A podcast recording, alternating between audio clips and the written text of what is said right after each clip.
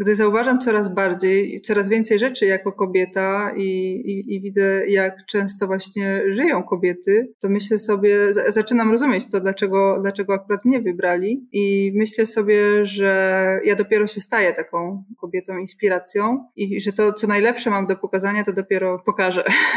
tak się czuję, ale jest to, jest to dla mnie ogromny zaszczyt i, i pewnie już w tamtym momencie rzeczywiście musiałam jakoś dużo inspirować kobiet, ale ja sama przed sobą dopiero zaczynam się czuć. Tak ci powiedziałam wcześniej o nauczycielkę, nie? Że, że, że ja się nie czułam wtedy jeszcze taka pełni nauczycielką, że mogła wyjść przed ludźmi i powiedzieć, że tak i tak, tak i tak, tego się ucznie, uczcie. Tak wtedy, gdy odbierałam tą lalkę, też wcale nie czułam się jeszcze taka role model, ale teraz, teraz dopiero zaczynam to czuć, teraz dopiero y, zaczynam być i myślę, że y, dopiero nią będę tak naprawdę.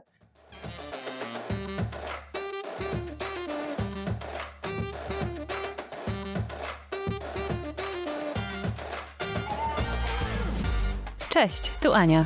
Zapraszam do Pracowni Dziewczyn. Pracownia Dziewczyn to cotygodniowe rozmowy z dziewczynami i kobietami na temat edukacji.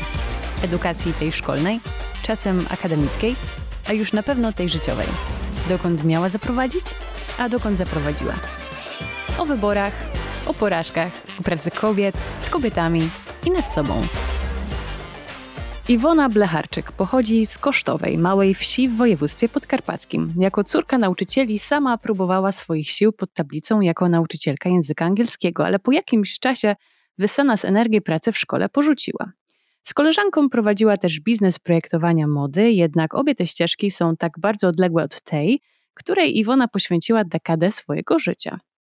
Bowiem przez 10 lat, aż do lipca tego roku, pracowała dla firmy, jako zawodowy kierowca w transporcie. W tym też przez 6 lat w tak zwanych gabarytach, czyli transporcie specjalistycznym. Spotykamy się na początku sierpnia, choć ty tę rozmowę słyszysz dopiero dzisiaj. Wspominam o tym wyjątkowo, ze względu na to, że udało mi się złapać Iwonę równo miesiąc po jej odejściu z pracy. A obserwując Iwonę od pewnego czasu, czytając o niej dużo i oglądając filmy na jej YouTube'owym kanale, muszę zdawać sobie sprawę, że Iwona jest marzycielką i nie zdziwię się wcale, gdy za chwilę z pasją rzuci się w odmęty nowego projektu. Fanka domowego rosołu, uhonorowana tytułem Barbie Shiro marki Mattel. Od zawsze zafascynowana ciężarówkami, autorka książki Tracking Girl 70-metrową ciężarówką przez świat. Podbijała pola naftowe i lodowy szlak w Kanadzie. Poza tym robi najlepsze naleśniki w kabinie ciężarówki i zdobi je lepiej niż Karol Okrasa. Jedyna w swoim rodzaju dzisiaj w pracowni dziewczyn w momencie przejściowym. Zdaje się cały czas kochająca ciężarówki, ale jak sama mówi, czasami nawet gdy się coś kogoś kocha, trzeba odejść dla własnego dobra, przynajmniej na chwilę. Iwona Blecharczyk. Iwono, witaj w Pracowni Dziewczyn. Witam wszystkie dziewczyny, ale w zasadzie może są tutaj też jacyś panowie. Też są panowie, też słuchają. A powiedz mi, ty częściej odpowiadasz na pytania dziewczyn na temat e, twojej pasji do ciężarówek i zawodu, czy mężczyzn? Na co dzień w trasie zdecydowanie mężczyzn, ale na internecie czy w mediach to rzeczywiście też bardzo y, często mam do czynienia z kobietami. Jesteś w tej branży transportowej przez, przez 10 lat już, na pewno Co będzie dalej, zobaczymy. Przez ten czas i tak bazując na Twoich obserwacjach, doświadczeniach, to więcej jest kobiet dzisiaj niż było wtedy, kiedy zaczynałaś swoją przygodę? Zdecydowanie, zdecydowanie. No, sam fakt tego, że w 2011 roku ja w ogóle nie mogłam znaleźć pracy jako kierowca. Oczywiście y, zapotrzebowanie na kierowców w tamtym czasie było trochę inne i rzeczywiście kierowca bez doświadczenia w transporcie miał troszeczkę trudniej, porównując do, do, do dzisiejszych czasów, ale wciąż jako kobieta byłam praktycznie przekreślona, także długo, bardzo długo szukałam pracy i w zasadzie dostałam tylko jedno zaproszenie na rozmowę wstępną, ale i to wtedy pamiętam, że szef tej firmy powiedział mi po rozmowie, że oni tak mają taką robotę, która nie nadaje się dla kobiety, bo tam trzeba pasy dopinać, y, w razie czego trzeba koło zmienić. I to nie jest dla kobiety, ale był po prostu ciekawy, co to za dziewczyna sobie wymyśliła, że będzie jeździć na tirach. A jak to się stało, że ta firma, z którą zaczęłaś pracę na początku, jednak stwierdziła, że właśnie nie wiem, czy zaryzykujemy, czy damy szansę, czy to było, że zobaczyli w tobie taką pasję, i to marzenie? To znaczy, pasji nie mogli zobaczyć, bo ja wysłałam CV po prostu przez portal służący do znajdywania pracy. Więc pasji nie mogli we mnie zobaczyć, ale była to po prostu firma zagraniczna. Firma gigantyczna, firma zagraniczna, zagraniczna z oddziałem w Polsce, więc y, oni mogli sobie pozwolić na to, żeby zaryzykować raz wziąć kierowcę świeżego, bez doświadczenia, bo jednak właśnie bardzo często jest tak, że, że kierowca, który nie ma żadnego doświadczenia, właśnie startuje dopiero w takich gigantycznych firmach. To raz, no a dwa, no mogli sobie pozwolić na dodatkowe ryzyko związane z zatrudnieniem kobiety. Ale prawda jest też taka, że gdy do mnie zadzwonili, zaprosili na rozmowę, ja od razu wsiadłam w pociąg i pojechałam na drugi koniec Polski na miejscu zaoferowali mi trzy różne wakaty, ale oczywiście biurowe i bardzo mocno namawiali mnie do tego, żebym ja została jednak w biurze. Ale mi nie o to chodziło. Nie o to mi chodziło, żeby przeprowadzić się z Podkarpacia, gdzie miałam praktycznie wszystko, do Piły, której nie znałam. Nie miałam tam żadnych ludzi, do pracy biurowej w sumie, w której wcale nie chcę, więc y, nie, było, nie miało być z tego ani jakichś pieniędzy, ani pasji, ani rozwoju, nic, po prostu nic, więc ja się uparłam albo za kierownicę, albo wcale. Takie mam dość do ciebie, myślę, że prywatne pytanie, albo może takie intymne. Gdzieś znalazłam taką informację, że ty zaczynałaś, cytuję, jako złamana wiotka dziewczyna bez pewności siebie i umiejętności za kierownicą i nie miałam nic poza marzeniami i pasją. Trzy pierwsze samotne lata spędzone w trasie bez ludzi próbujących wywierać na mnie wpływ dały mi przestrzeń na wyzerowanie i zbudowanie siebie od nowa. Złamana wiotka dziewczyna? no, no. Jakby to powiedzieć. Y, pewnie jako kobieta od razu wiesz, co za tym stoi, prawda? Pewnie większość dziewczyn, słysząc, y, słysząc to, rzeczywiście wie od razu, co za tym stoi. Oczywiście stoi za tym mężczyzna i stoi jakaś niespełniona miłość, chociaż, miłość, chociaż w tym wypadku akurat nazwałabym to miłością toksyczną. I powinnam tam w zasadzie jeszcze dopowiedzieć, że raczej chyba taka dziewczyna, która zdołała się uwolnić z takiej e, destrukcyjnej miłości, albo raczej z destrukcyjnego związku. Więc no rzeczywiście jeden z powodów, dla których tak uwielbiam swoją pracę i ogólnie trackerkę, bo, bo to już nie jest, tak powiedziałaś na początku, jest sierpień, to w tej chwili jestem wolna, w tej chwili nie jest to moja praca, ale jeden z powodów, dla których uwielbiam właśnie tą trackerkę, to jest to, co mi dała. Mianowicie w takim najtrudniejszym momencie mojego życia dała mi absolutnie wszystko, czego potrzebowałam, żeby się odbudować. Czyli właśnie tak przeczytałaś, to, to był fragment mojego postu. Dała mi odcięcie się od wszystkiego, od całego świata, od otoczenia, dała mi wolność, dała mi sposób na zarabianie pieniędzy, dała mi sposób na poznawanie świata, rozwijanie swojej pasji, umiejętności i specjalizowanie się, uczenie się. I to było wszystko to, czego potrzebuje, wydaje mi się, kobieta właśnie gdy wychodzi z jakiejś takiej trudnej relacji po wielu, wielu latach. Powiedziałabyś, że ta praca w transporcie to było takie zbawienie, że, że właśnie potrzebowałaś tego w pewnym sensie, wyrwania absolutnie. mocnego. Tak, tak, tak, absolutnie tak. To ja zawsze mówię właśnie, że wszystko, co mam, absolutnie zawdzięczam właśnie trackerce. A są takie rzeczy, które ta praca, zanim, zanim porozmawiamy o tym, co potrzeba, żeby, żeby robić to co, to, co ty robiłaś i, i czym nadal z pasją się zajmujesz, podejrzewam, że nawet jeżeli nie jedziesz aktualnie nigdzie, to i tak patrzysz, co się dzieje w transporcie i, i oczywiście obserwujesz jakieś ruchy ciężarowe.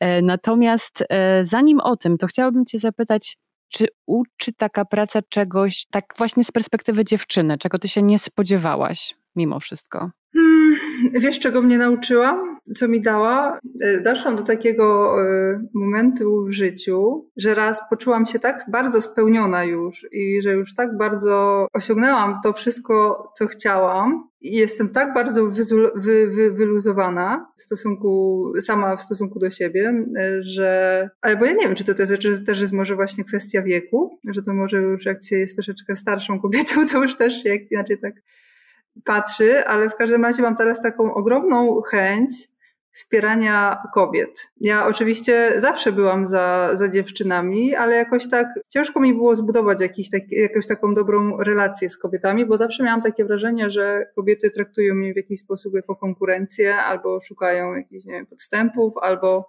albo traktują moją jakąś tą próbę kontaktu jako fałszywą. Ja tak czasami właśnie sama nie wiedziałam, jak z tymi kobietami rozmawiać, ale teraz właśnie jakoś tak się już wszystko we mnie też pozmieniało i że, że mam naprawdę już świetny kontakt z kobietami. Ale być może to jest kwestia wieku właśnie, że już sobie myślę, że już jestem stara, już jestem jakaś, nie wiem. Stara. Nie wiem, sama, nie wiem, sama pojęcia, ja się nie czuję stara, nie? Ja się nie czuję stara, ale wiem, że e, niektóre kobiety rzeczywiście mogą tak hmm. do tego podchodzić. No ja słyszałam, że ponoć po 30 się odpuszcza, w sensie tak, że nie obchodzi ciebie ponoć, bo ja 29 jeszcze, ale że nie obchodzi cię, co inni myślą, że to, co chcesz robić ty, to, to robisz, że przychodzi taka pewność siebie, że, że te lata dwudzieste są dość chaotyczne. Nie wiem, jak to było u ciebie. To prawda, chociaż sama trzydziestka i trzydziestka, trzydzieści jeden, trzydzieści dwa lata jakoś, jakoś tak y, czułam, że, że zaczynam się zmieniać i ostatnie dwa, trzy lata były dla mnie jakimś takim czasem przejściowym, że cały czas czułam się, że jestem jakąś formą przejściową samą siebie i sama nie wiedziałam, co się ze mną dzieje. To jest dziwne, ale tak było rzeczywiście. Ale rzeczywiście tak jest, że po 30 już zdajesz sobie sprawę z tego, że to jest Twoje życie i tak naprawdę to Twoje życie za bardzo nikogo nie obchodzi. To znaczy, nie chciałabym, żeby to zabrzmiało jakoś y, smutno, bo nie chodzi o to. Chodzi o to, że ludzie niby tam się interesują innymi ludźmi z otoczenia, ale tak naprawdę koniec końców, no, sam się rodzi, sam, y, sam żyje ze sobą, nawet jak jest się w związku i sam umiera. I tak naprawdę to nie jest ważne, co zrobisz. Wszyscy popełniają jakieś tam błędy, ale o tych błędach się szybko, szybko zapomina, a szczególnie w tym współczesnym, super szybkim świecie ludzie są przebodźcowani i naprawdę jednego dnia pamiętasz o jakiejś aferze, a drugiego dnia już tej afery nie ma, więc no myślę, że też w końcu zdajesz sobie sprawę z tego, że żeby cokolwiek w życiu osiągnąć, trzeba ryzykować. Trzeba bardzo dużo ryzykować i, i nie bać się zmian. To znaczy nie, nie da się nie bać się zmian, tylko po prostu trzeba ryzykować i mimo wszystko na siłę, no dosyć często chyba na siłę podejmować te zmiany. A co ty ryzykowałaś? W którym momencie? A no nie wiem, a jakbyś pomyślała sobie o takich um, decyzjach, które napra których naprawdę się bałaś podjąć, bo tyle ryzykowałaś. Może nie w którym momencie tak wiekowo, ale właśnie mhm. coś, gdzie mogło cię to dość sporo kosztować. Wiesz co, było kilka takich etapów w moim życiu, gdzie drastycznie zmieniałam jakoś tam swoje otoczenie więc no, na pewno było to rozpoczęcie mojej kariery trackerskiej. To jak na tym teraz sobie wspominam, to myślę, że to było przerażające, ale ja nie wiem, czy ja byłam tak bardzo zdesperowana, żeby cokolwiek zrobić swoim życiem i, i nie być nauczycielką, bo goni już mnie kontrakt na kolejną pracę, kolejny rok pra- na, na kolejny rok pracy w szkole, więc ja chciałam po prostu jakąkolwiek pracę znaleźć w transporcie, więc wtedy rzeczywiście to nie, no właśnie, teraz to, to było trudne, ale w zasadzie decyzja była oczywista, więc nie, więc tamten, tamten moment wymazuję. To było trudne, ale decyzja w ogóle była oczywista, chociaż z drugiej strony, jak teraz sobie patrzę, teraz jak sobie tak myślę, to każdą decyzję trudną, którą podjęłam, one wszystkie były dla mnie zawsze oczywiste. Ja zawsze dokładnie wiedziałam, co mam zrobić, tylko było mi trudno. Kolejnym, kolejnym takim trudnym czasem i trudną, trudnym czasem związanym właśnie z decyzją, którą wiedziałam, że jest w 100% prawidłowa, ale, ale znowu to była zmiana i była trudna, to był właśnie mój moment wyjazdu do Kanady. Wiedzia Ameryka i jazda ciężarówką po, po Stanach, po Ameryce Południowej od wielu lat były moim marzeniem i ja wiedziałam, że to muszę zrobić i tylko przyciągam ten moment, ale strasznie szkoda było mi pracy na gabarytach. To był po prostu taki szczytowy moment, gdy już y, zaczęłam ogarniać tę pracę, gdzie był świetny, świetnie zbudowany team, świetna atmosfera w pracy, fajne projekty i, i w takim szczytowym momencie zdecydowałam się odejść, bo jakoś czułam, że nie zrobię tego teraz, to nie zrobię tego nigdy, bo akurat przychodziła moja trzydziestka i rzeczywiście trzydzieste urodziny już świętowałam akurat zaraz po przyjeździe praktycznie do Kanady, więc to był taki trudny czas, ale rzeczywiście chyba takim najtrudniejszym, najtrudniejszą decyzją do podjęcia była właśnie dla mnie decyzja o odejściu z pracy. Odejściu z pracy i tą decyzję, z tą decyzją nosiłam się przeszło rok. I ta decyzja była podjęta, tylko ja musiałam po prostu do niej może nie dorosnąć, dorosnąć tylko jakby to powiedzieć, musiałam się bardziej stać tą decyzją, jakkolwiek to brzmi, więc no przeszło rok. Przeszło rok zajęło mi to, żeby przygotować się do odejścia, ale no jak odchodziłam, to, to naprawdę ostatnie dwa miesiące były dla mnie tak strasznie smutne, że jak tam sobie jeździłam nocami, to czasami płakałam za tą kierownicą. Tak sobie myślałam, że mam taki fajny team, taką fajną pracę, taka świetna atmosfera w pracy, sprzęt genialny, który uwielbiam. Dodatkowo akurat y, no, przyszły wakacje, dużo woziliśmy śmigieł z Gdyni, mieliśmy przystoje praktycznie co trzeci dzień, więc zawsze w Gdyni był jakiś tam dzień wolny. To sobie chodziliśmy z chłopakami na plażę, gdzieś na jakieś wypady, eskapady po lasach. No i było naprawdę znowu taki szczytowy moment w pracy i znowu ja odchodzę, więc no, to było trudne i... Ale wiedziałam, dlaczego odchodzę. Właśnie chciałam się ciebie pytać, co sprawia, że trudno się odchodzi z trackerki, ale już mam odpowiedź na to pytanie w takim razie. A co to znaczy, że chciałabyś prowadzić równoległe życie, czy wieść kilka równoległych żyć? Bo tak właśnie mierząc się z tą decyzją i dojrzewając sobie do niej, wyczekując tego, tego czasu, powiedziałaś, że chciałabyś jeszcze tyle rzeczy zrobić i tyle marzeń spełnić i właśnie, och, gdybyś mogła wieść równolegle kilka żyć. Na co ty czasu tyle potrzebujesz? Na, to, na co tych żyć, Iwona, tyle ci potrzeba? No wiesz co, to jest tak, że ja chciałabym w ciągu dnia jeździć sobie jakimś takim zwykłym zestawem gdzieś na Hiszpanię. Nocą chciałabym sobie jeździć właśnie na gabarytach, w konwojach z jakimiś trudnymi, długimi ładunkami. Jeszcze pomiędzy chciałabym urodzić dziecko i mieć rodzinę. A jeszcze pomiędzy chciałabym sobie latać do Stanów, do Kanady i tam sobie troszeczkę jeździć amerykańskimi ciężarówkami. Zimą oczywiście bym chciała sobie też e, jeździć po lodowych szlakach, a jeszcze w międzyczasie no, latem, latem gdzieś tam po kanadyjskich buszach i po polach naftowych. A jeszcze w międzyczasie chciałabym sobie e, coś tam gotować, piec. Ostatnio złapałam bakcyla właśnie, jeżeli chodzi o pieczenie słodyczy. Chociaż się w sumie zawsze piekłam od dziecka, tylko już przez, przez, przez to, że jeździłam tyle, jakoś mi to całkowicie wypadło z głowy i ostatnio zaczęłam coś tam znowu myśleć o pieczeniu na nowo, więc właśnie to jest tak, że bym chciała tyle rzeczy robić, ale nie da się pogodzić tego, dlatego ja bym chciała mieć znaczy hologramy to za mało, ale bym chciała być po prostu, żeby było trzy mnie, nie? Takie trzy mnie połączone z centralą. Ja bym chciała być tą centralą, a mieć takie trzy włosłanniczki. No, takie swoje aniołki. Aniołki Iwony.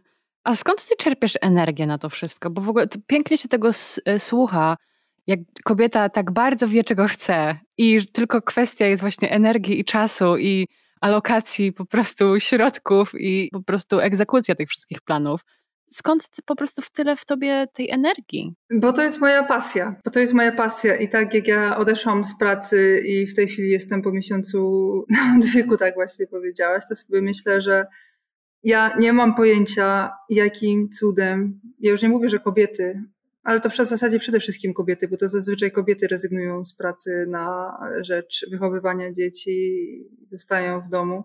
Ja nie wiem, jakim cudem te kobiety żyją. Ja nie wiem, skąd one czerpią energię. Ja nie wiem, skąd one, skąd one biorą szczęście. To znaczy, ja nie mam dzieci, więc się domyślam, że pewnie dzieci właśnie dają dużo szczęścia i energii, są taką motywacją do, do życia dla wielu, do, wielu dorosłych i być może tak jak teraz będąc właśnie na tym wolnym, tak czasami nachodzi mnie taka myśl, że, że właśnie chyba dlatego ludzie tak często biorą śluby z ludźmi, których wcale jakoś nie kochają, tylko oni mają skończone studia, rozpoczyna, mają jakąś pracę, i wtedy mają jakąś taką pustkę, mają pracę, która nie jest ich pasją, i wtedy okazuje się, że oni sami nie są ze sobą szczęśliwi i szukają jakiegoś tak szczęścia, dopełnienia w, w innych ludziach. Nie wiem, mi się wydaje, że nie można znaleźć szczęścia w drugim człowieku. Szczęście można znaleźć tylko i wyłącznie w sobie. I chyba dlatego właśnie ludzie tak często właśnie, mimo że są niedobrani, mimo że nie są tak w sobie do końca zakochani, biorą śluby i jak później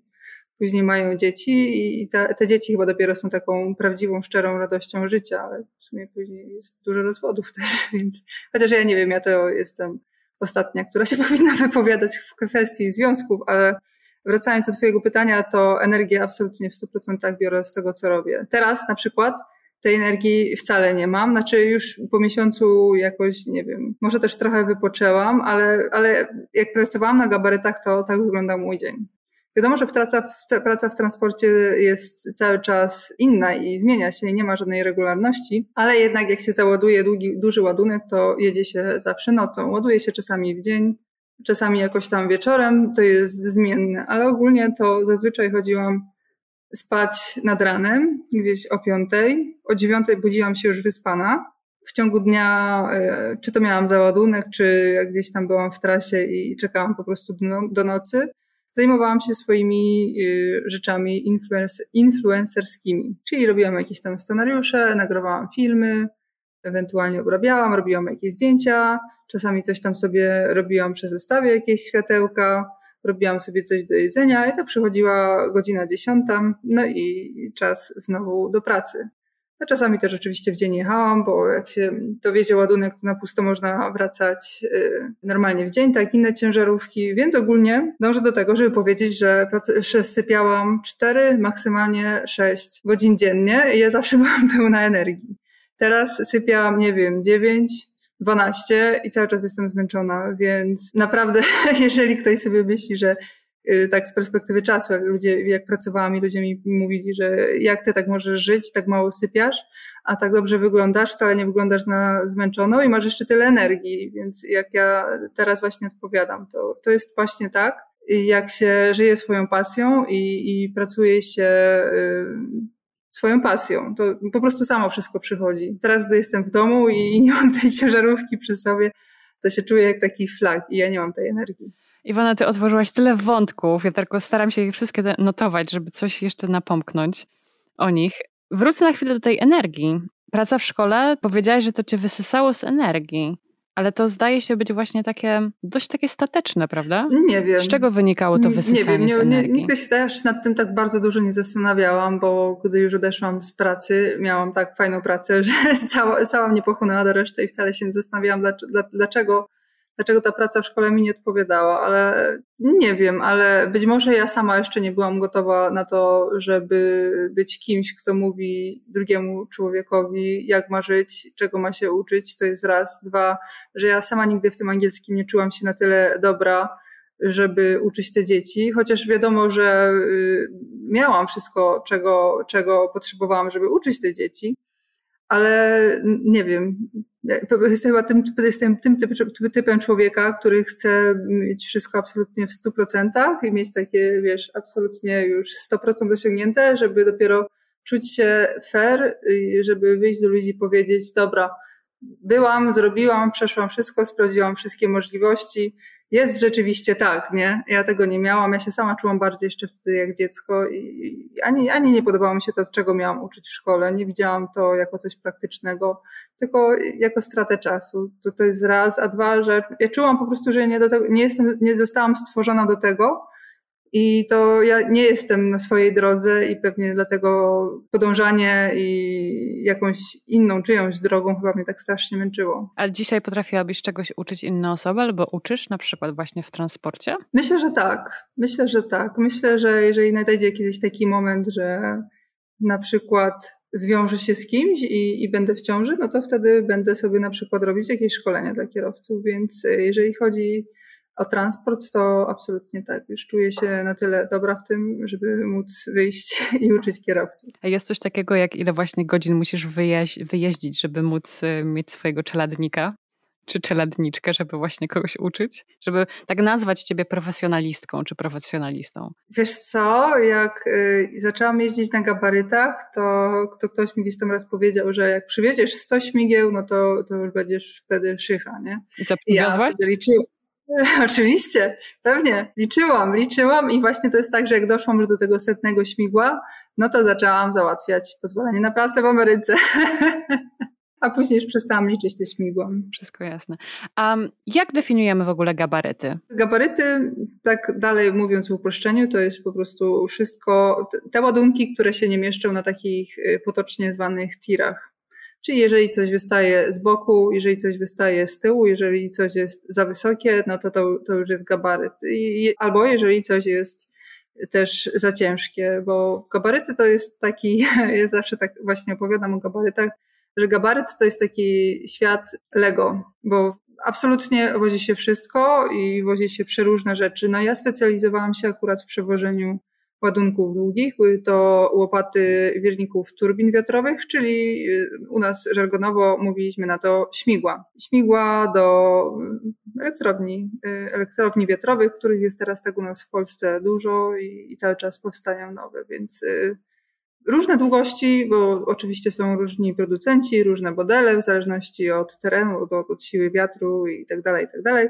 No ale tam najdłuższe, które woziłam, to były 62 metry. Czyli tam zestaw właśnie już cały wychodził właśnie około 70 metrów. Gdzie no, ten potocznie zwany tir ma 17 metrów, 17 czy 18? Jakoś tak, bo ja już tyle lat jeździłam właśnie na tym swoim zestawem y, długim, że już nawet nie pamiętam. Chociaż w tej chwili, gdy Państwo tego słuchają, ja już doskonale wiem, bo już jeżdżę swoją ciężarówką, która nie jest gabarytową. I jeżeli chodzi o tony, to jak to wygląda? Jeżeli chodzi o śmigła właśnie, powiedzmy tak, jeżeli chodzi o śmigła, to nie są ładunki y, ciężkie, bo śmigła zazwyczaj mają pomiędzy 10 a 20 ton. Rzadko zdarzają się cięższe, te, które są przewożone drogą lądową oczywiście. No ale jeżeli chodzi, no, potocznie zwany TIR ma masę całkowitą 40 ton, czyli z ładunkiem już. No a jeżeli chodzi o gabaryty, to no nie ma limitu. Nie ma limitu, może być 100 ton, może być 200 ton, może być dużo ton. To jest ciekawe dla mnie, ciekawe dla mnie doświadczenie, bo mm, ja pracowałam przez jakiś czas w dziennikarstwie energetycznym i pisałam o tych różnych, wiesz, właśnie łopatach, może nie łopatach, ale elektrowniach wiatrowych i o całym zwrocie ku energii odnawialnej. Natomiast jestem dziewczyną bez prawa jazdy, więc, więc jest to dla mnie bardzo ciekawe doświadczenie. Powiedz mi, co potrzeba, żeby w ogóle zacząć y, jeździć jako zawodowy kierowca, no i potem też na tych w transporcie specjalistycznym, na gabarytach. Jeżeli chodzi o kierowcę zawodowego na te zwykłe ciężarówki, to potrzebne jest prawo jazdy kategorii CE, czyli pierwsze trzeba zdobyć kategorię C, później E, i później trzeba zrobić y, jeszcze kwalifikację wstępną, czyli taki, czyli szkolenie na przewóz rzeczy. No i później trzeba wyrobić sobie kartę kierowcy, przejść badania jeszcze i przez pięć lat można jeździć, bo zazwyczaj na tyle są wydawane właśnie badania. Po pięciu latach trzeba robić, co każde pięć lat trzeba robić szkolenie okresowe, czyli przypomnieć sobie jakieś tam podstawy z pracy zawodu kierowcy, też trochę prawne, no i przejść y, komplet badań. No i można jeździć dalej. No oczywiście, jeżeli się ma jakieś tam przeciwwskazania, czy ma się na przykład jakieś wady wzroku, to to mm, uprawnienia są tam odnawiane trochę, trochę częściej, czasami nawet co rok. Ale to, to już zależy od, y, od zdrowia przede wszystkim. Natomiast jeżeli chodzi o pracę w transporcie specjalistycznym, no to nie trzeba niczego więcej. to jest chyba zaskakujące właśnie, bo często ludzie do mnie piszą i pytają, Iwona, jakie dodatkowe kategorie czy też szkolenia trzeba zrobić, ale rzeczywiście nie trzeba zrobić żadnych dodatkowych szkoleń, nie ma żadnych dodatkowych kwalifikacji na to, żeby jeździć jako kierowca zawodowy w transporcie specjalistycznym. Trzeba mieć po prostu otwarty umysł i być ogarniętym i być otwarty na pracę w zespole i dogadywać się z innymi. No właśnie, chciałam pytać o takie cechy charakteru, czy takie umiejętności, których nie wykształcamy na szkoleniu, tylko właśnie co jest potrzebne aby funkcjonować fajnie w, właśnie w transporcie specjalistycznym. Powiedz mi trochę o tej pracy w zespole, proszę, bo tak czasami tutaj sobie rozmawiam z różnymi dziewczynami i często wychodzi tak, że my w szkole uczeni nie jesteśmy pracy w zespole. E, jak to jest z Twoim doświadczeniem funkcjonowania w zespole, uczenia się tego i też właśnie jak wygląda może taki zespół w pracy na co, dzień, na co dzień u Ciebie w branży? Tak ch chciałam w zasadzie powiedzieć, a czego my w szkole jesteśmy uczeni? Dobrze, możemy do tego za chwilę, za chwilę wrócić co jest takie naprawdę praktyczne y, w życiu codziennym każdego człowieka dorosłego. No właśnie, dla mnie gabaryty, praca w tym transporcie specjalistycznym, wożenie gabarytów, wydaje mi się, że to jest taki, to, to jest marzenie wielu kierowców, wielu takich zagorzałych pasjonatów kierowców, między innymi właśnie jak ja, więc ja owszem zawsze marzyłam o tym, żeby jeździć na gabarytach, ale z drugiej strony nie wyobrażałam sobie tej pracy zespołowej i tej pracy zespołowej naprawdę bardzo się, bardzo się obawiałam. Ale no jednak sama ta, samo to marzenie, żeby jeździć na gabarytach sprawiło, że już stwierdziłam, dobra, jakoś to zrobię, jakoś się dogadam z tymi ludźmi, trudno, nie? Więc rzeczywiście no, trzeba się nauczyć zaufania przede wszystkim. Raz, że zaufania do drugiego człowieka, ale Dwa, że trzeba się nauczyć rozpoznawać, y, komu to zaufanie można dać, a komu tego zaufania nie można dawać, bo o ile na przykład y, mówię tutaj o współpracy, czy to z pilotem, czy też y, z kierowcami, jeżeli jest, jeżeli jest tak, że jeździ się tylko z chłopakami, czy też z dziewczynami, bo dziewczyny też dosyć często są pilotkami, ze swojej firmy, to, to się absolutnie już wszystko wie, to wtedy naprawdę jest o niebo łatwiej, ale często jest tak właśnie, że piloci są właśnie podnajmowani i, i wtedy przyjeżdża do ciebie pilot i ty nie wiesz, nigdy nie wiesz, jakie on ma doświadczenie, co on potrafi, a czego nie potrafi. Wiadomo, że raczej się nie przyzna nigdy do tego, że że, że dopiero zaczyna i znaczy to, że zaczyna to, to, to się przyzna, jeżeli jest na samym początku, ale tak poza tym to czasami no po prostu bywa tak, że przyjeżdża kierowca, y, przyjeżdża pilot, który nigdy nie pilotował takich długich ładunków i nie wie po prostu jak tego, jak to robić, jak, jak się zachowuje taki zestaw i no i właśnie i to trzeba umieć rozpoznać, bo nie zawsze się, nie zawsze się to wie. No i jest jeszcze jedna bardzo ważna kwestia, to jest taka, że no często pracuje się pod wpływem stresu, jest bardzo dużo adrenaliny w jakichś konkretnych sytuacjach.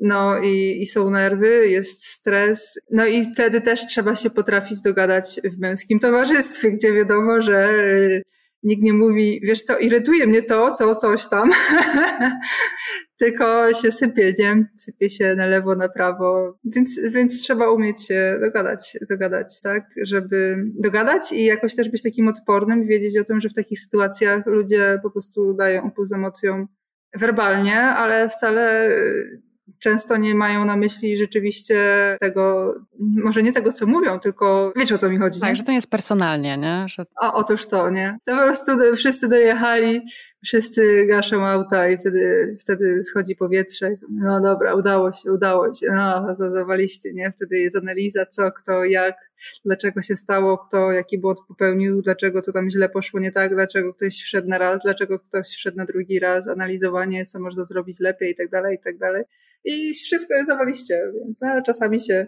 na siebie denerwujemy i, i trzeba być za chwilkę już od razu znowu kumplem ze sobą.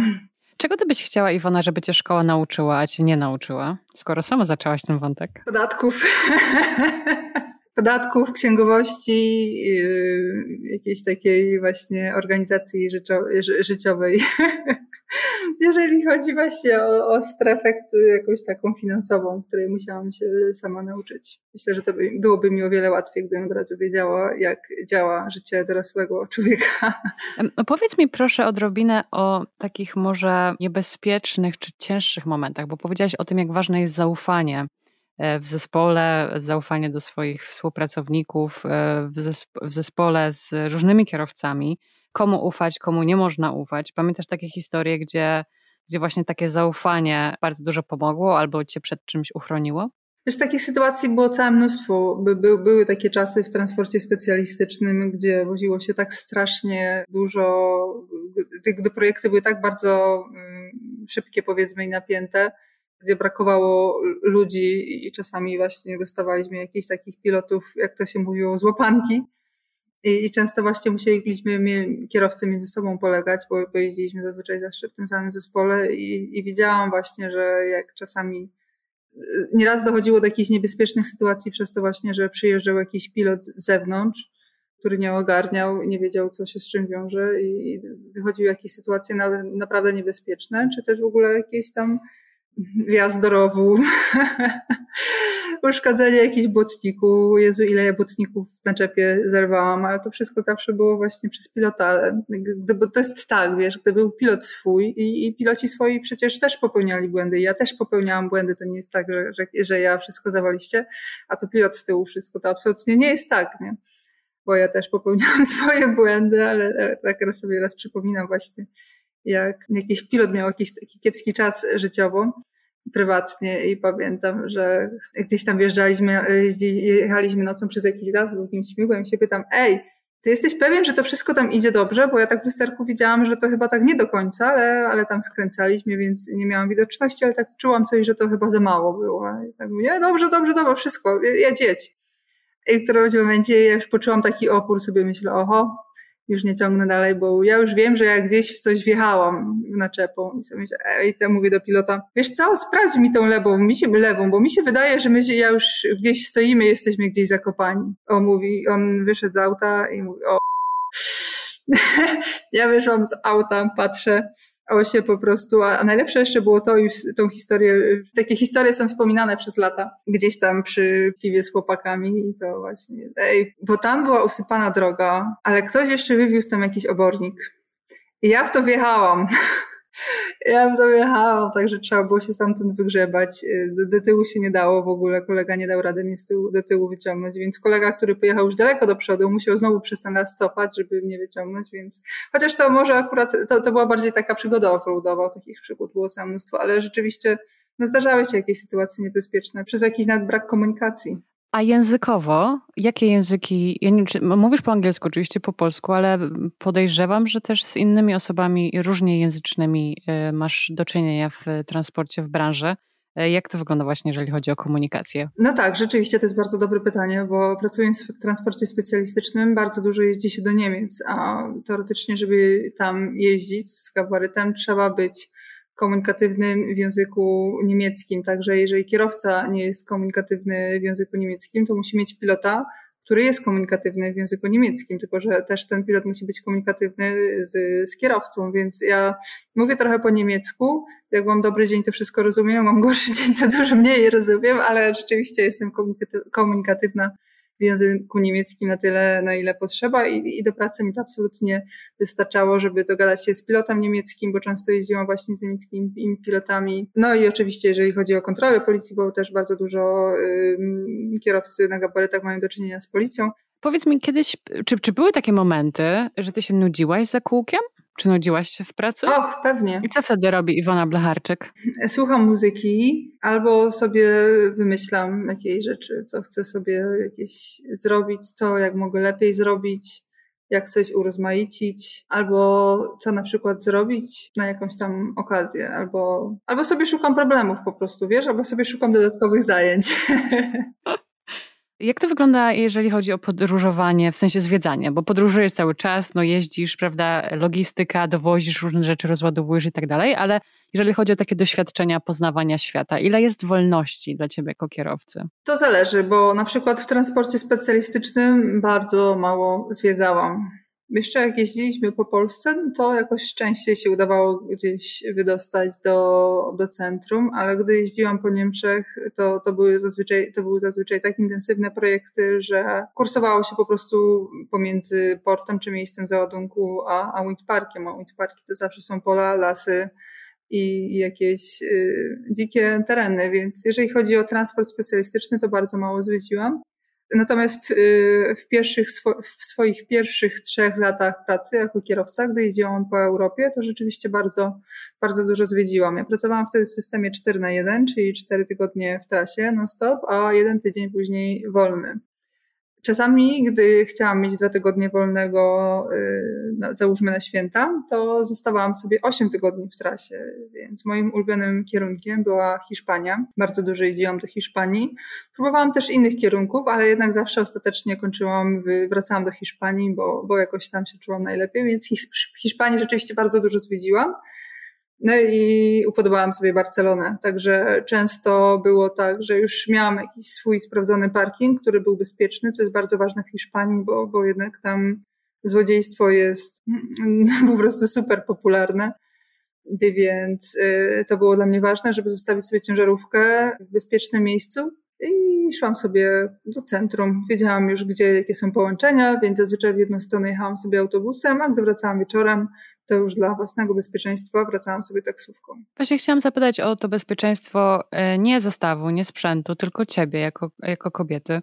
Trochę, pod, może nie podobna praca, ale podobny tryb pracy, bo byłam stewardessą i latałam po świecie i miałam możliwość też pójścia gdzieś, zobaczenia różnych miejsc, e, poznania różnych e, ludzi. Często to wyglądało tak, że byłam z zespołem pokładowym, coś tam robiliśmy po godzinach i tak dalej, ale też chadzałam sobie sama, zwiedzałam różne rzeczy sama, wiesz, nie powiem, że wpadałam w jakieś problemy i tak dalej, ale były takie sytuacje, gdzie faktycznie, jak teraz sobie patrzę tak, wiesz, z perspektywy kanapy i bycia taką e, dziewczyną mającą bardzo statyczny i taki zorganizowany tryb życia, no to tak myślę sobie o rany, naprawdę to się mogło źle, źle skończyć. Nie? Jak to było u ciebie? Rzeczywiście tak jest, że z perspektywy czasu, jak myślisz sobie o jakichś tam sytuacjach i rzeczach, które robiłaś, prawda, sobie myślisz, Jezu, ale się wtedy mogło dużo zdarzyć. Z perspektywy czasu wydaje mi się, że najważniejsza jest intuicja, a intuicję w podróżowaniu nabiera się z doświadczeniem, w ogóle z życiem. Wiesz, mnie nauczyła jedna sytuacja, o której zawsze opowiadam, pewnie wszyscy o niej słyszeli, ale rzeczywiście no, no to taka jest prawda i ta sytuacja sprawiła, że zmieniło się, zmienił się całkowicie mój stosunek do swojego własnego bezpieczeństwa w pracy. Nauczyła mnie dużo, dlatego zawsze ją opowiadam. To jest y, sytuacja z pierwszych tam kilku miesięcy pracy, gdy byłam tak bardzo ambitna i chciałam, wiedziałam, że Chyba mi się kończył właśnie swój, mój pierwszy kontrakt próbny o pracę i, i bardzo mi zależało na tym, żeby mi firma przedłużyła kontrakt, dalej chciałam pracować, a wcale nie byłam tego pewna. W każdym razie chciałam się wykazać i dyspozytor dał mi tam kilka miejsc rozładunku i ostatnie zaplanował dopiero na po weekendzie, na poniedziałek. A ja byłam tak ambitna, że wyrobiłam się z, z ostatnim już w piątek z tym, że no, brakło już mi czasu yy, i pracy, i jazdy na to, żeby w ogóle dojechać gdzieś w jakieś bezpieczne miejsce i stanąć sobie na weekend. Więc stwierdziłam, o, fajnie, jest jakoś tam taka wczesna wiosna, stan, znalazłam jakiś parking przy parku na obrzeżach miasteczka pomyślałam sobie, o tutaj sobie stanę, jest jakieś miasteczko, to jutro sobie pochodzę, pozwiedzam, może będzie jakaś fajna restauracja, może coś będzie fajnego, to, to będzie dobry weekend. No i, no i poszłam spać i właśnie w nocy obudziło mnie kołysanie kabiny. Jak odsunęłam trochę firankę, okazało się właśnie, że tam kilku gości wieszało mi się po lusterkach, jakoś mi tam chodzili wokół auta i zaglądali, więc ja wtedy tak śmiertelnie mocno się przestraszyłam, Miałam jakąś starą jeszcze nawigację, więc ja zaczęłam odpalać tą nawigację, ale ona długo się ładowała. Ja oczywiście nie pamiętałam, gdzie dokładnie jestem, na obrzeżach jakiego miasteczka, więc już zaczęłam wybierać 112, e, ale w zasadzie to sama nie wiedziałam jeszcze, gdzie jestem. Wtedy internet jeszcze nie był taki, taki dobry i to wcale nie było takie oczywiste, żeby w tym telefonie zacząć szukać jakiejś mapy, bo Google Maps wcale jeszcze tak fajnie nie działało i wtedy ja zdałam sobie sprawę z tego, że dobra, zadzwonię na tą policję, może mnie zlokalizują, ale zanim oni do mnie dojadą, to pewnie będzie jakieś 10 minut, a przez te 10 minut tych pięciu gości po prostu może zrobić ze mną wszystko. I wtedy do mnie dotarło, że owszem, żyjemy w cywilizowanym świecie i jest policja i są jakieś tam służby ratownicze i, i tak dalej, ale ale czasami może braknąć 15 minut i naprawdę trzeba bardzo mocno myśleć o tym swoim bezpieczeństwie. Więc ostatecznie ci, ci ludzie odeszli. Ja drugiego dnia, jak się zorientowałam, to się okazało, że gdzieś tam była dyskoteka w pobliżu, więc oni po prostu sobie pewnie popili i poszli sobie gdzieś tam na spacer, a że stała ciężarówka w parku w lesie, tam były latarnie, jak stawałam, to były latarnie w ciągu dnia, ale w nocy się okazało, że te latarnie wcale nie świeciły, więc stałam po prostu w czarnym lesie. I ta sytuacja mnie nauczyła tego właśnie, żeby przede wszystkim zawsze martwić się o swoje bezpieczeństwo i nigdy praca kosztem bezpieczeństwa. A później jeszcze y, jakiś czas później spotkałam takiego starego kierowcę niemieckiego, który jeździł po całym świecie, jeszcze w latach 70.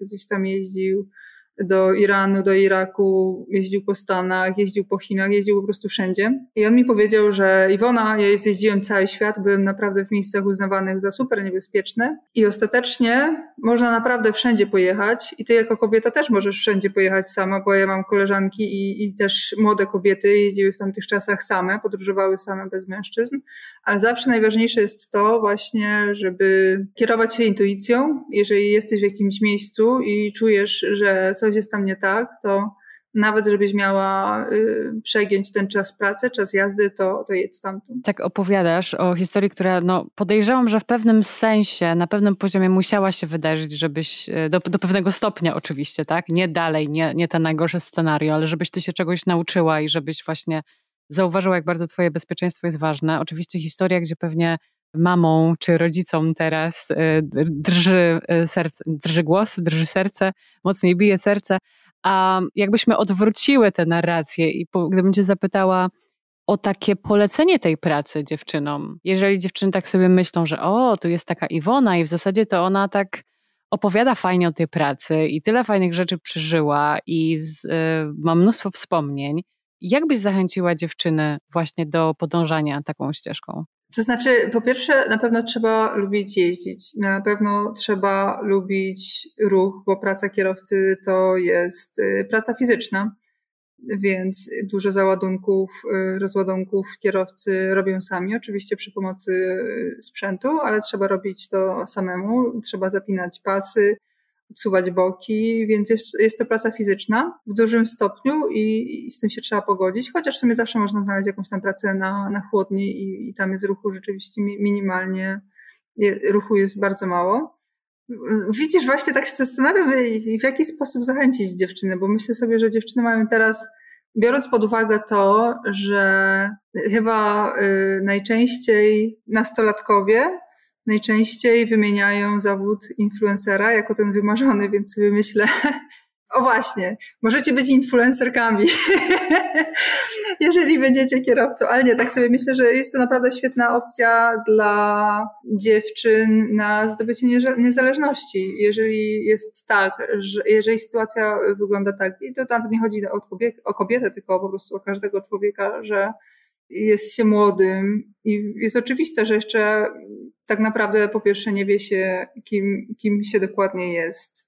Często ludzie nie wiedzą, jakie mają pasje, nie wiedzą, w czym są dobrzy, kompletnie nie wiedzą jeszcze, co chcą robić w życiu, więc to jest e, taka świetna praca, według mnie, która daje czas na to, żeby zastanowić się nad swoim życiem, ale jednocześnie nie marnuje się tego czasu pod względem jakimś tam finansowym i pod względem karierowym, bo owszem, pewnie jest tak w przypadku wielu ludzi, że nigdy nie odnajdują jakiejś tam swojej życiowej pasji, ale zawsze po kilku latach pracy w transporcie, raz, że można zaoszczędzić trochę pieniędzy, dwa, że można pozwiedzać, a trzy, zawsze można później się rozwijać dalej w transporcie, ale już zupełnie na innych stanowiskach, bo, bo ludzie, którzy, y, którzy popracowali trochę właśnie za kierownicą, mają doskonałą, doskonałą orientację jeżeli chodzi o transport i bardzo chętnie, bardzo chętnie firmy zatrudniają takich pracowników później do biura. To jest też bardzo ważna praca. Nie wiem, jak się mówi o niej w środowisku, ale dla mnie jest to praca, mimo tego, co by się mówiło w społeczeństwie, że ktoś jest kierowcą aż czy tylko,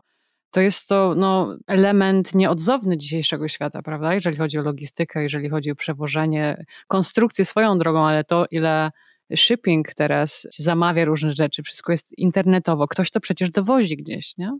No właśnie, to jest to też jest, y, to jest bardzo ciekawe, bo oczywiście pracy w transporcie za kierownicą jest straszliwie dużo i, i przedsiębiorcy, czy już nawet y, w ogóle rządy już sami nie wiedzą, co zrobić, żeby zachęcić ludzi i, i wciągnąć do tego transportu za, za kółko, więc no, jest to rzeczywiście taki zawód, w którym zawsze będzie praca. No, wiadomo, że samochody, które same jeżdżą już są, ale jeżeli chodzi o ciężarówki, to, to nie przewiduję, żeby to się stało szybko. Ale chodzi mi o to, że tutaj zawsze będzie praca. Jeżeli rzeczywiście ktoś nie ma jakiegoś takiego nie ma jakiejś takiej ścieżki, którą chce na pewno podążać, no to to jest świetna praca, żeby dać sobie czas, żeby dać sobie czas, żeby odciąć się od całego świata, żeby odciąć się od wszelkich bodźców, od tego gadania, co masz robić, co masz kupować i tak dalej, i tak dalej i poznać samego siebie, pobyć ze sobą 24 na dobę.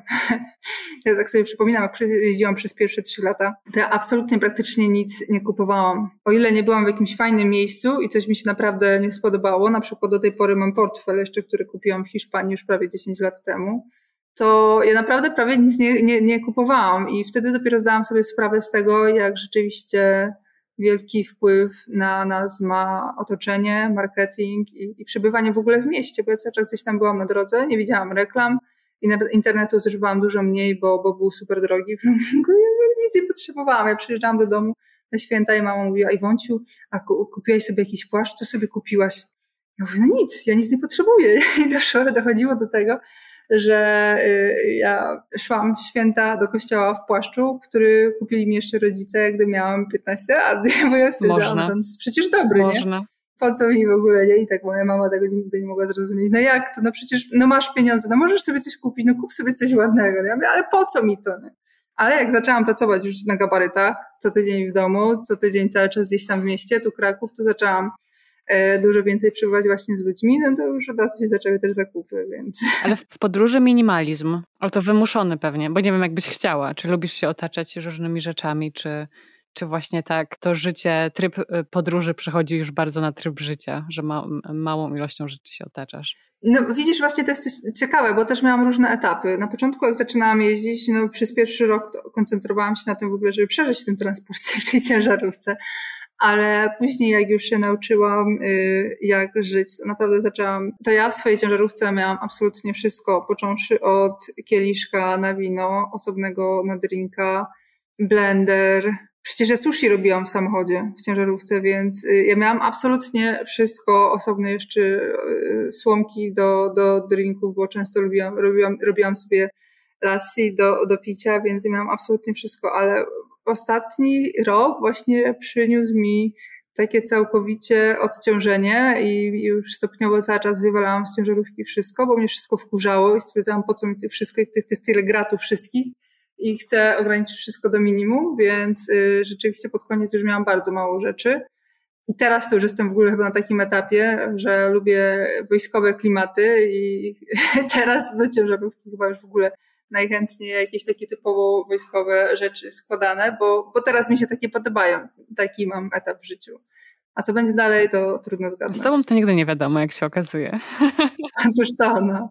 Kobieta zmienną jest, a zresztą to są już też lata, prawda? No, tylko krowa nie zmienia poglądu. No, ciekawe podejście. Tego nie słyszałam. Nie słyszałam. To jest powiedzenie polskie? No, nie słyszałaś? Tylko krowa nie zmienia. Nie, nie słyszałam. Nie, nie wiem, czy to jest tak dosłownie, ale chodzi o to, że tylko krowa nie zmienia poglądów, albo tylko krowa nie zmienia poglądów nie zmienia. Kobieta zmienną jest, to słyszałam z kolei. Nic o krowach nie słyszałam.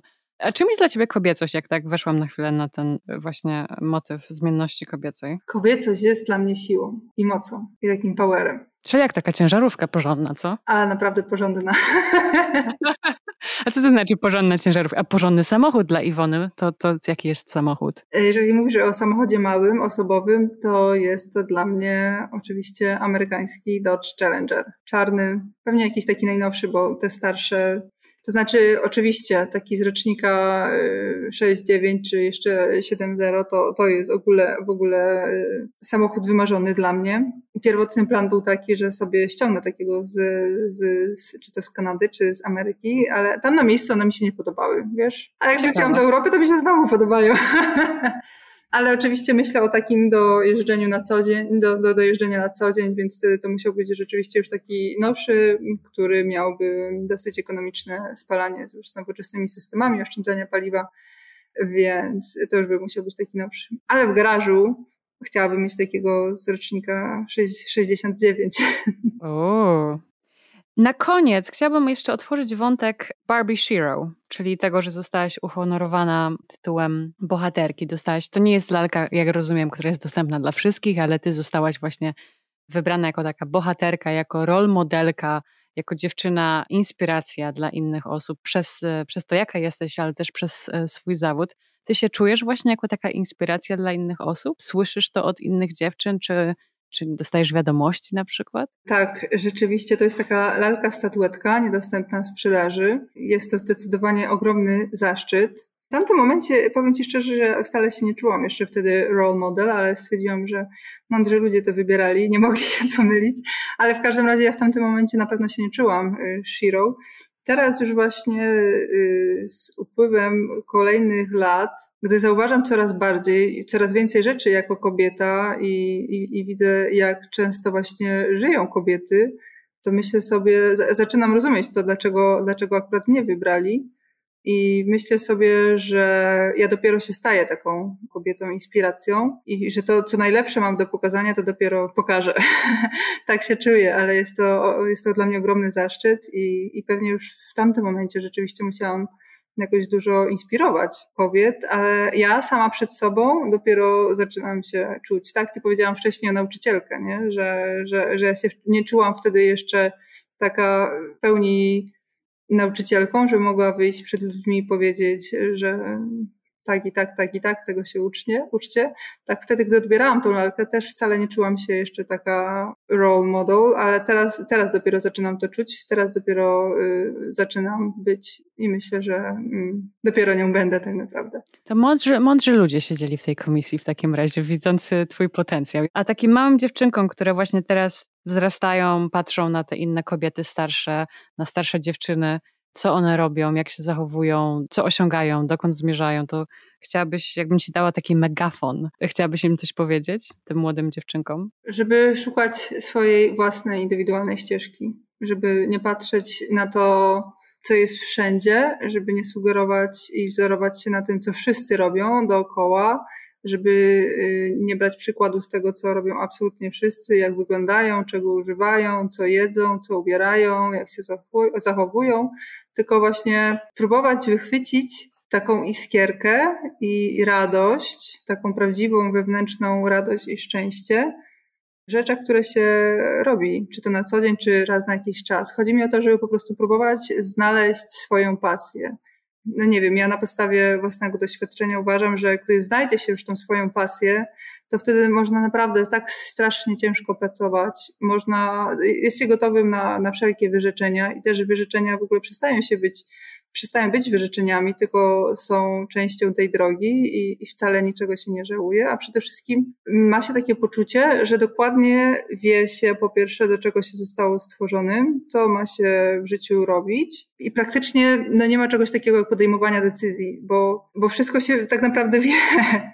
Wie, co masz, wiesz, jakie są kolejne kroki, wiesz, co masz robić dalej, tylko trzeba po prostu się uczyć i tak jakby bardziej stawać tymi swoimi decyzjami, że jak już, jak już podejmujesz kolejny krok, to już jesteś w 100% na to gotowa i już jakby to powiedzieć, jesteś tą decyzją i, i to jest takie wszystko integralne jest wszystko częścią siebie i nie musisz niczego szukać, bo to dokładnie wiesz, gdzie idziesz.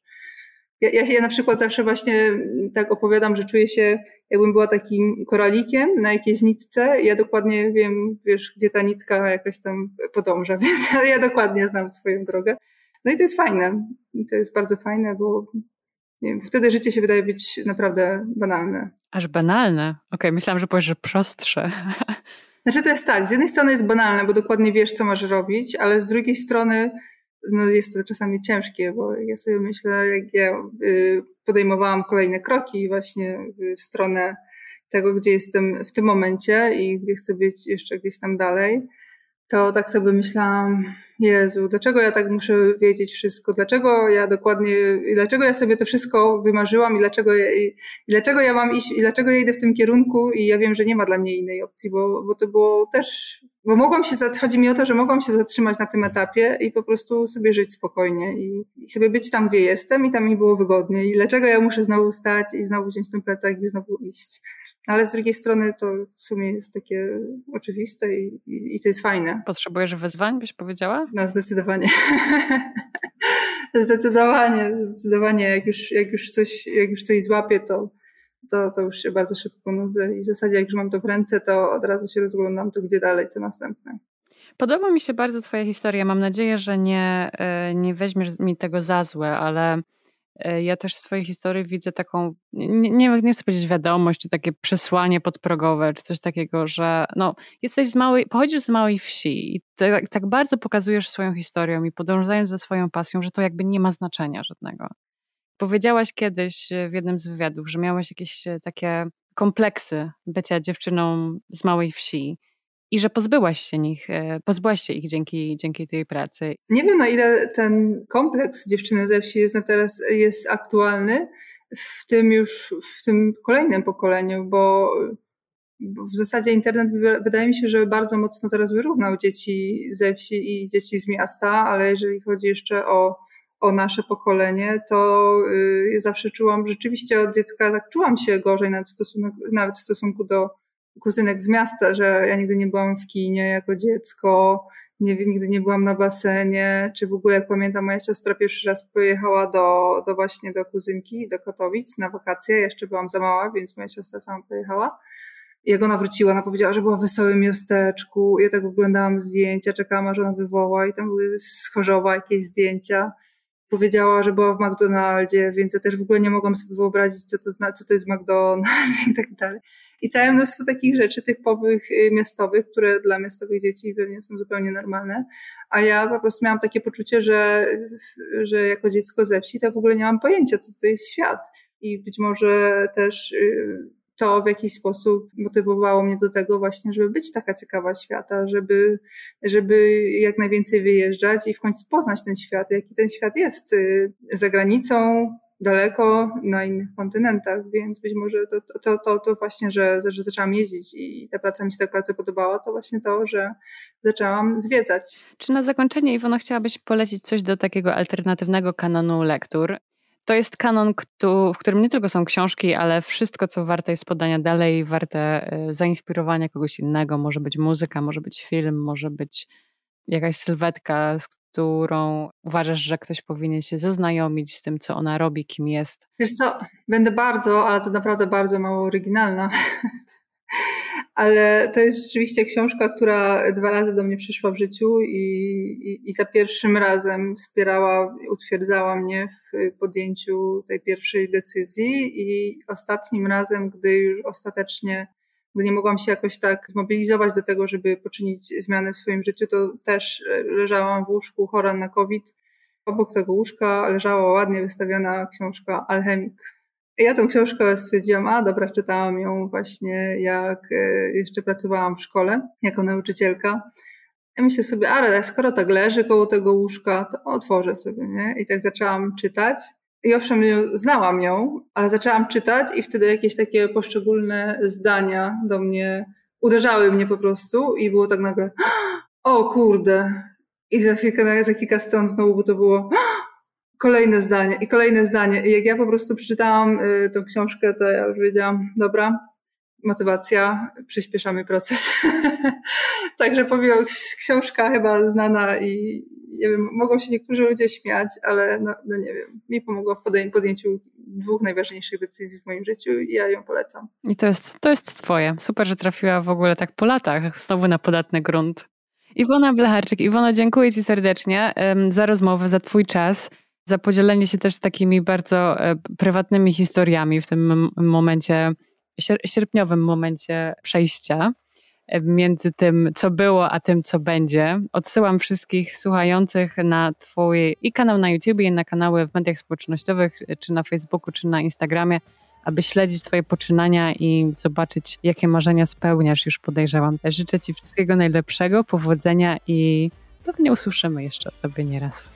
Dziękuję, bardzo dziękuję po pierwsze za zaproszenie, po drugie za rozmowę, po trzecie wszystkim naszym słuchającym za czas i życzę wszystkim naszym słuchającym, którymi są w większości pewnie kobiety, no, życzę wiary we własne siły i życzę odkrycia tej swojej gigantycznej, nieskończonej kobiecej siły i mocy. I korzystania z niej oczywiście. Trzymajcie się dziewczyny i powodzenia. Idźcie po swoje.